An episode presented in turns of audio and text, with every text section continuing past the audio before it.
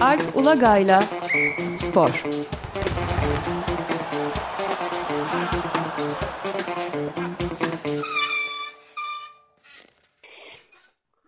Merhabalar Alp Bey, günaydın.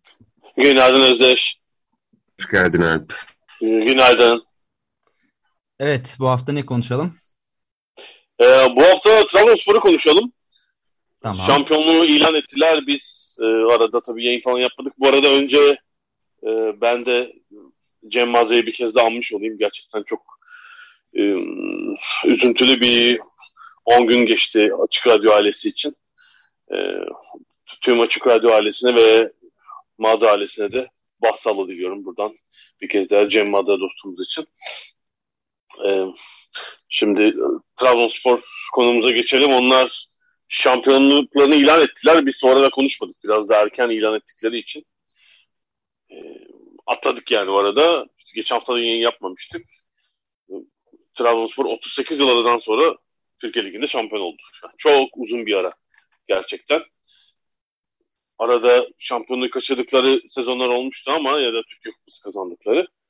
Bir türlü lig şampiyonu olamadılar. Bu kadar neredeyse 40 yıla varan bir süre. Yani son şampiyonluklarını işte ben küçük bir çocuktum yani hayal meyal işte hatırlıyorum. Çok da Trabzonspor'un başarılı olduğu, her sene ya şampiyon ya ikinci olduğu bir dönemdi. Gerçekten 9 sezonda 6 şampiyonluk kazanmışlardı 1975 ile 84 arasında.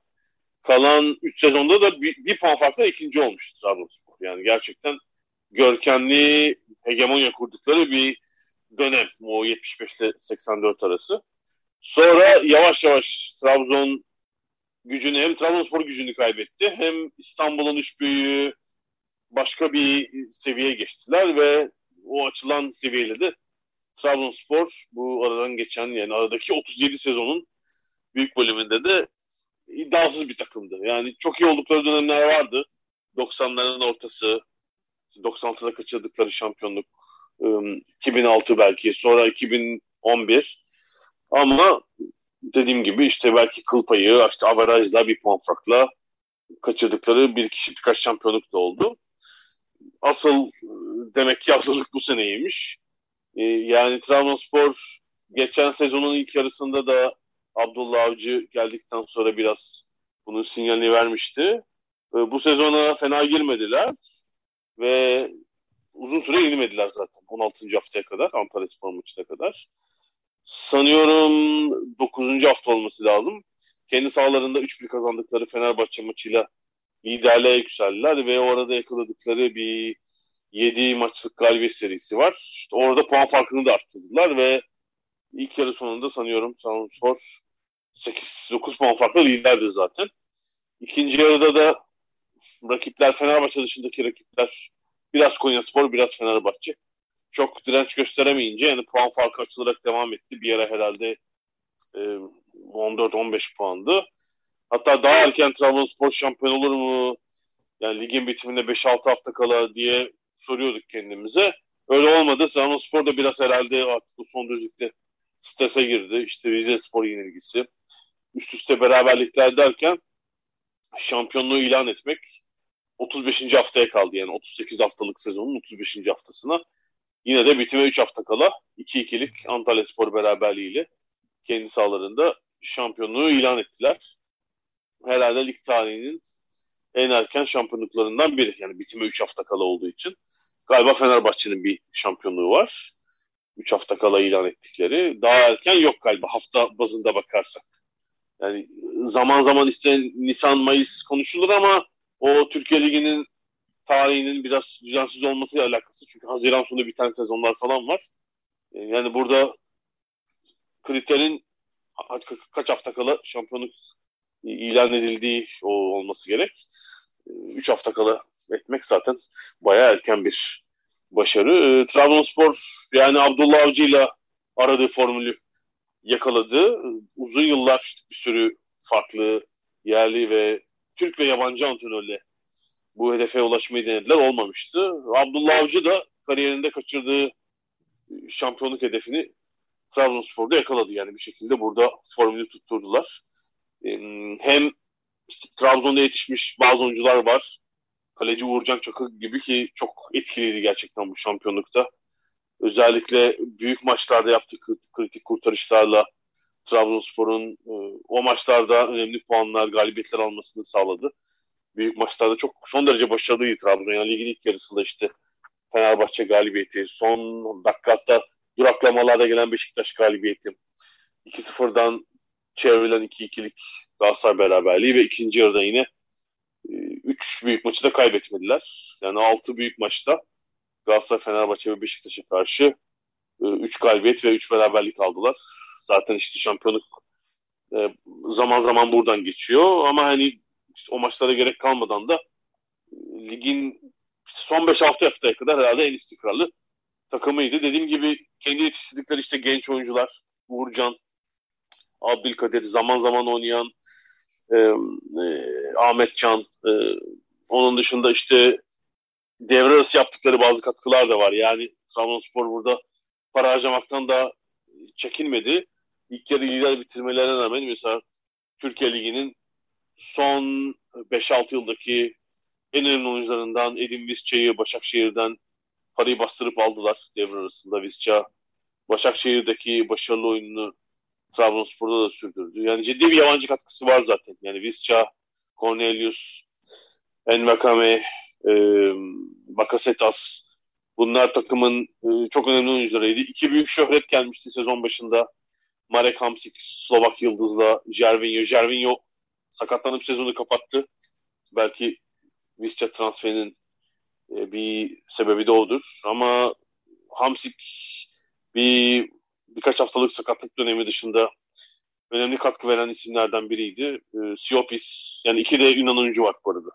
Trabzonspor yani çok çok uluslu bir yani Brezilyalılar, iki Yunan, e, işte iki Norveçli, e, bir fil dişi sahilli falan hani bayağı Nijeryalı bir uluslararası karma var. Yani Türkiye Ligi'nin geldiği nokta bu zaten. Ve işte Türk oyuncularla harmanlayıp Abdullah Avcı böyle bir kadro yaptı. Yani çok işte çok çok gol atan e, bir kadro değil ama dediğim gibi lig boyunca genel istikrarı en fazla yakalayan e, takımdı herhalde. E, rakiplerin de çok iyi olmamasıyla beraber işte 3 hafta kala şampiyonu ilan ettiler. Burada tabii Trabzon'un o çok başarılı olduğu 75-84 arası dönemde de gördüğümüz bir özellik var aslında. Türkiye'deki Türk ekonomisi ve buna bağlı olarak Türkiye'deki futbol ekonomisinin daraldığı dönemlerde e, üç büyüklerin ekonomik üstünlüğü biraz zayıflıyor. Çünkü tabii hem onlar İstanbul merkezli hem çok daha büyük kitle takımları. Yani Türkiye'nin her yerinde taraftarları var. Trabzonspor'un da vardır ama aynı oranda değil. Yani bir iş ne de olsa bir şehir takımı. Elbette işte İstanbul'da, diğer büyük şehirlerde de taraftarları var. E, bir iç göç dolayısıyla yani Trabzon şehri tabii yıllar boyunca geçen 40-50 yılda dışarı büyük göç verdiği için Trabzon şehri ve Trabzon ili e, bir sürü yerde e, Trabzonlu var elbette. Ama dediğim gibi üç büyük takımın kitlesinden daha küçük bir kitle bu. Ve işte bu ekonominin genişlediği, futbol ekonomisinin büyüdüğü dönemlerde üç büyükler bunun avantajını kullanarak farkı hep açmışlardı mali olarak Trabzonspor'da. Şimdi ekonomi daraldı, futbol ekonomisi de daraldı ve aradaki farklar azaldı açıkçası. Yani üç büyük takım da mali sorunlarla bir borç sarmalıyla boğuşuyorlar. Trabzonspor'da da var ama onlar en azından bu sezon için bir şekilde e, bunu göze aldılar ve işte bu hedefe kilitlendiler. Bu fark azaldığı zaman elbette işte oyuncu kalitesi, oyun kalitesi farkı da azalıyor. E, Trabzonspor bundan faydalandı açıkçası bu son e, iki sezonda. E, bu 75-84 arası dönemde de böyleydi. Yani Türkiye'de futbolun kötü olduğu, ekonominin, futbol ekonomisinin çok dar olduğu bir dönem. Yani Türkiye Ligi'nin kalitesinin de düşük olduğu bir dönem maalesef. Gol ortalamalarının çok düşük olduğu, e, az puanlarla şampiyon olunan, az gol atarak şampiyon olunan bir dönem. E, ya bu daralma Trabzonspor'u yoruyor. Bunu söyleyelim. Yani o dönemde de Trabzonspor işte kendi yetiştirdiği, daha doğrusu Trabzon ve civarındaki şehirlerden, kasabalardan gelen oyuncuların oluşturduğu kadroyla hep şampiyon oluyordu. Yabancı oyuncu zaten yoktu Trabzon'da o zaman. Diğer takımlarda belki bir iki yabancı olurdu. Ee, ve o çekirdek kadroyla işte belki şehir dışından il dışından bir iki katkıyla e, oluşturduğu kadroyla hep başarılı olmuştu Trabzonspor. E, tabii sonra iş büyüyünce bu yabancı meselesi, dünyaya Avrupa'ya açılma söz konusu olunca Trabzonspor onu çok iyi beceremedi. Yani bunu da Trabzon şehrinin konumunun da etkisi var. E, zaman zaman yabancı oyuncular, aileleri hangi ülkeden geldiklerine bağlı olarak, olarak tabii işte İstanbul dışındaki şehirlerde yaşamak istemeyebiliyorlar. Ailelerin böyle tercihleri oluyor. Geçmişte oldu. Belki zaman zaman yine vardır. Ee, bu sebeple bazı önemli oyuncuları Trabzon'a çekmekte de zorlanmıştı takım ama bu sene anladığım kadarıyla hani öyle bir zorluk yok. İşte çok farklı ülkelerden kariyerli oyuncular da var kadroda. Ee, yani işte bir antrenörün kurduğu sistem iyi bir kaliteli bir kadro ve tabii bu hedefe kilitlenen bir se- seyirci grubuyla da şampiyonluğa gittiler bu sene. Yani Trabzonspor'un daha da büyük bir stadı var. Ben herhalde bir ilk açıldığı sezon 4 sezon önce yanılmıyorsam gitmiştim. E, o zaman ligde iddialıydı Trabzonspor. E, herhalde yani bir 10 bin kişi izlemiştik. Şimdi e, 41 bin seyirci olan bir büyük bir stadı var gerçekten. E, yani eski dönemlerde meşhur Avneker stadı vardı. Onu doldurup böyle büyük bir atmosfer yaratırlardı. Şimdi tabii dört tarafı çatıyla kaplı daha da büyük bir stat var. Herhalde atmosfer çok da çok daha etkilidir. E, tamamen dolu olduğunda. E, Trabzonspor'u tebrik ederiz bu bakımdan. E, yani bunun devamı sonraki sezonlarda gelir mi? Yani ilginç bir şekilde Türkiye Ligi'nde son 4 sezonda 4 farklı takım şampiyon oldu. Böyle bir tabloyla karşı karşıyayız. E, her sezon farklı bir takım şampiyon oluyor ilginçtir. Yani en son Galatasaray üst üste iki şampiyonluk kazanmıştı. Yani şampiyon olan takım istikrarı ertesi sezon sürdüremiyor.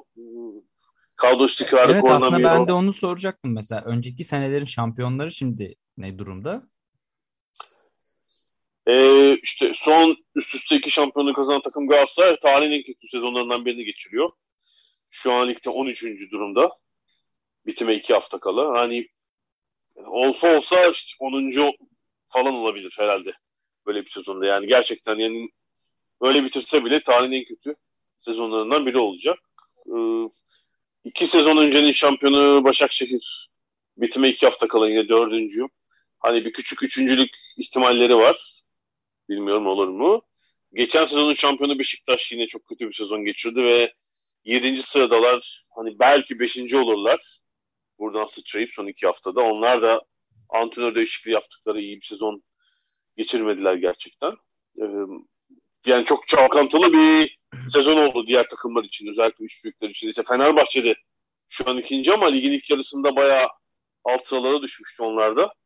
O üç birlik Trabzonspor maçından sonra. Onlar da antrenör değiştirdi. Yani dediğim gibi üç büyükler hiçbir anlamda iyi bir sezon geçirmediler ve memnun değiller. İşte bu teknik direktör değişiklikleri onlardan zaten anlayabiliriz geçirdikleri süreci. Fenerbahçe biraz sonlara doğru toparladı ve ikinciliğe yükseldi. Yani son 10-12 hafta iyiler. Bu sayede herhalde ikinci bitirecekler e, ligi. Öyle gözüküyor. Üçüncü Konya Spor'dan 5 puan öndeler. E, ama yani memnun oldukları bir sezon değildir herhalde. E, çünkü kupada falan da yok üç büyükler. Yani Fenerbahçe'de öyle.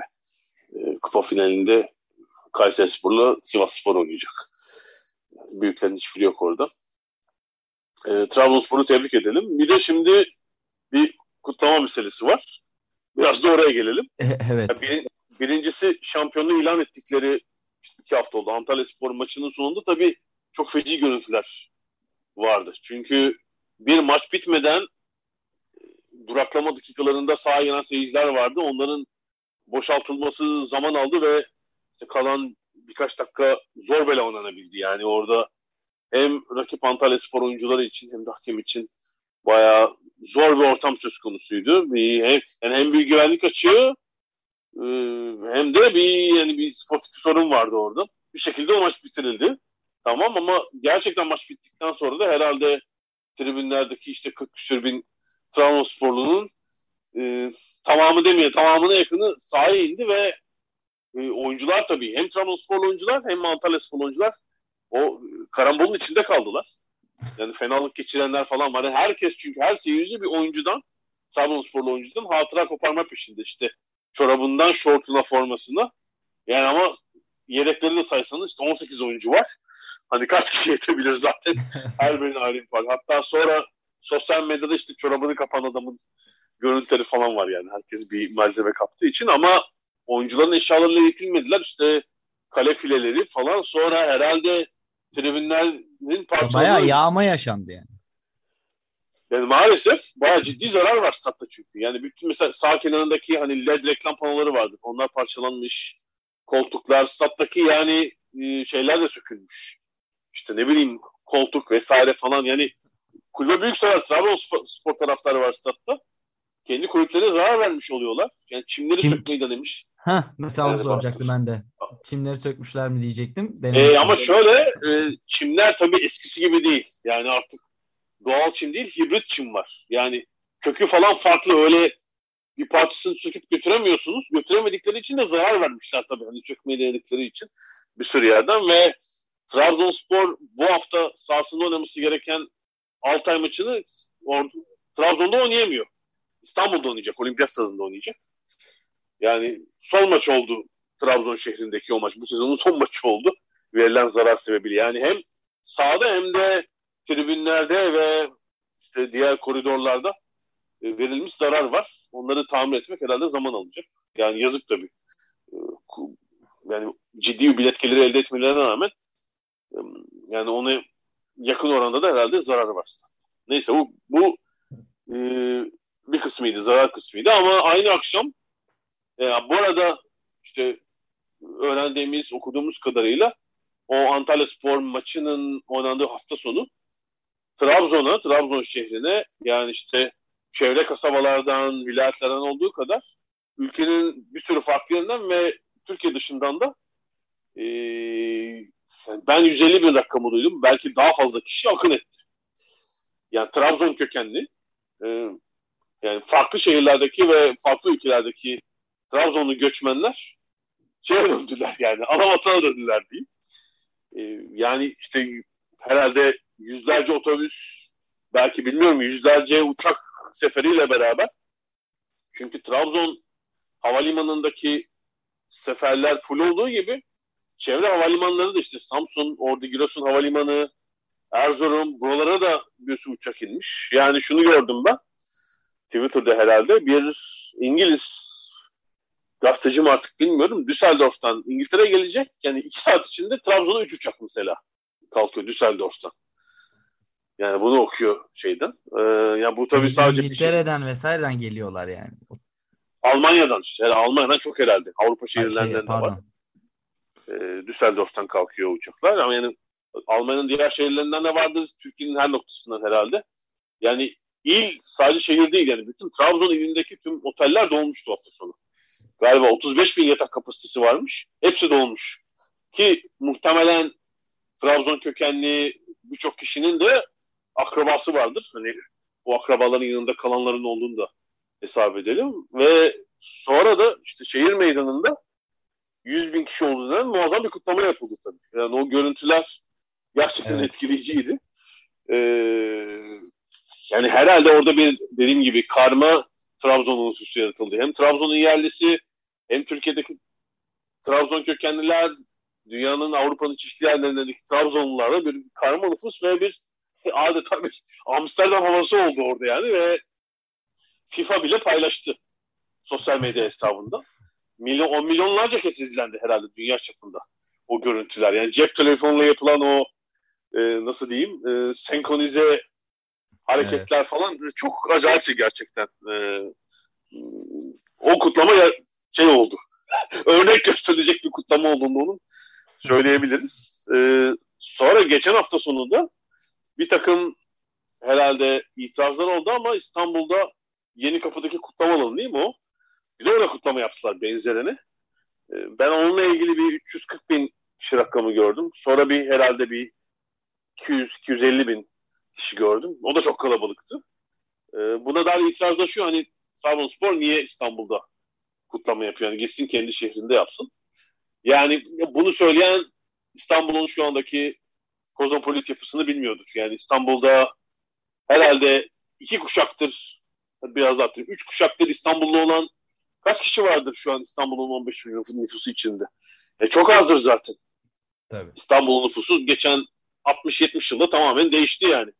Hani 1970'e gitsek, 1950'ye gitsek hala ciddi oranda gayrimüslim nüfusu olan işte 1 milyon nüfusa sahip olmayan bir şehir söz konusuydu. Şimdi 15 milyon nüfusu olan ve Türkiye'nin e, birçok ilinden yıllar boyunca çok büyük göç almış ve o il nüfusundan daha fazla e, oralı oralının İstanbul'da yaşadığı bir, bir dev megapole dönüştü İstanbul. Yani söylenir ya işte şu kadar Sivaslı var falan diye.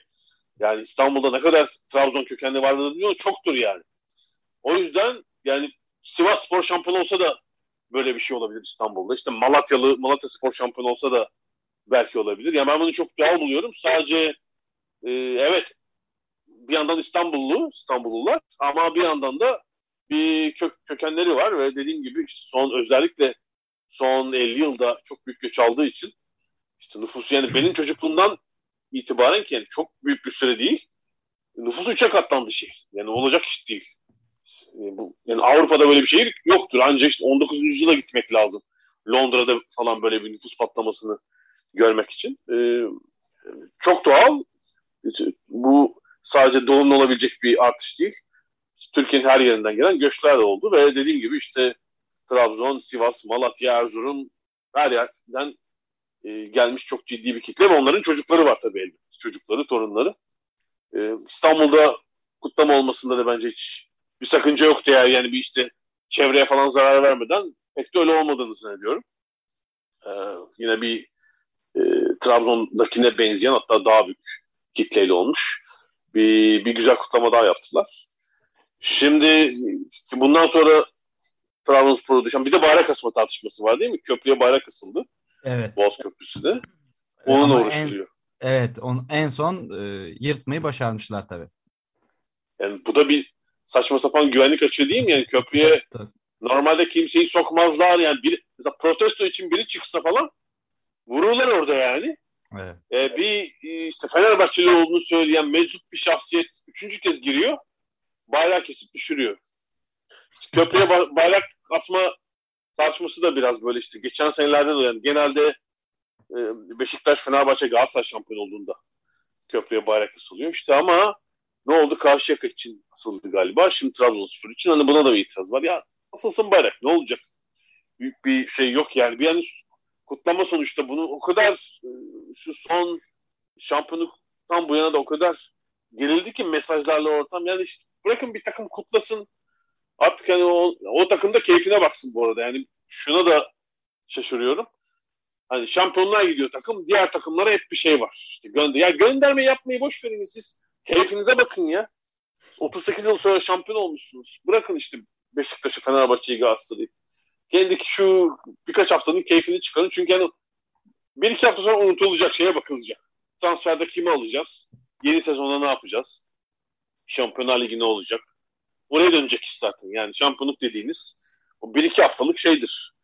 Ee, sevinçtir yani, kutlamadır. Hani Trabzonspor'un örneğinde 38 yılda olamadıkları için belki biraz daha uzatılır. Muhtemelen bu hafta sonu İstanbul'daki Altay maçında da bir şenlik olacak. İşte dediğim gibi sonra lig bitiyor bir hafta zaten.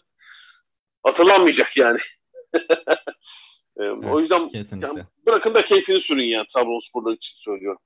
Hani onunla bununla atışmak gereksiz bu durumda. Ee, son şunu söyleyebilirim. Seneye Şampiyonlar Ligi gruplarında galiba oynayacaklar. Çünkü Rus takımları gelecek sezonda UEFA turnuvalarından ih- ihraç edildiler. Hiçbir Rus takımı olmayacak. Galiba oradaki Rus takımının hakkı da Trabzonspor'a geçecek gibi duruyor. Ee, son yıllarda Şampiyonlar Ligi'nde son derece başarısız oldu Türk takımları. Son 4 sezondur ciddi başarısızlık var. Trabzonspor bunu yıkabilir mi?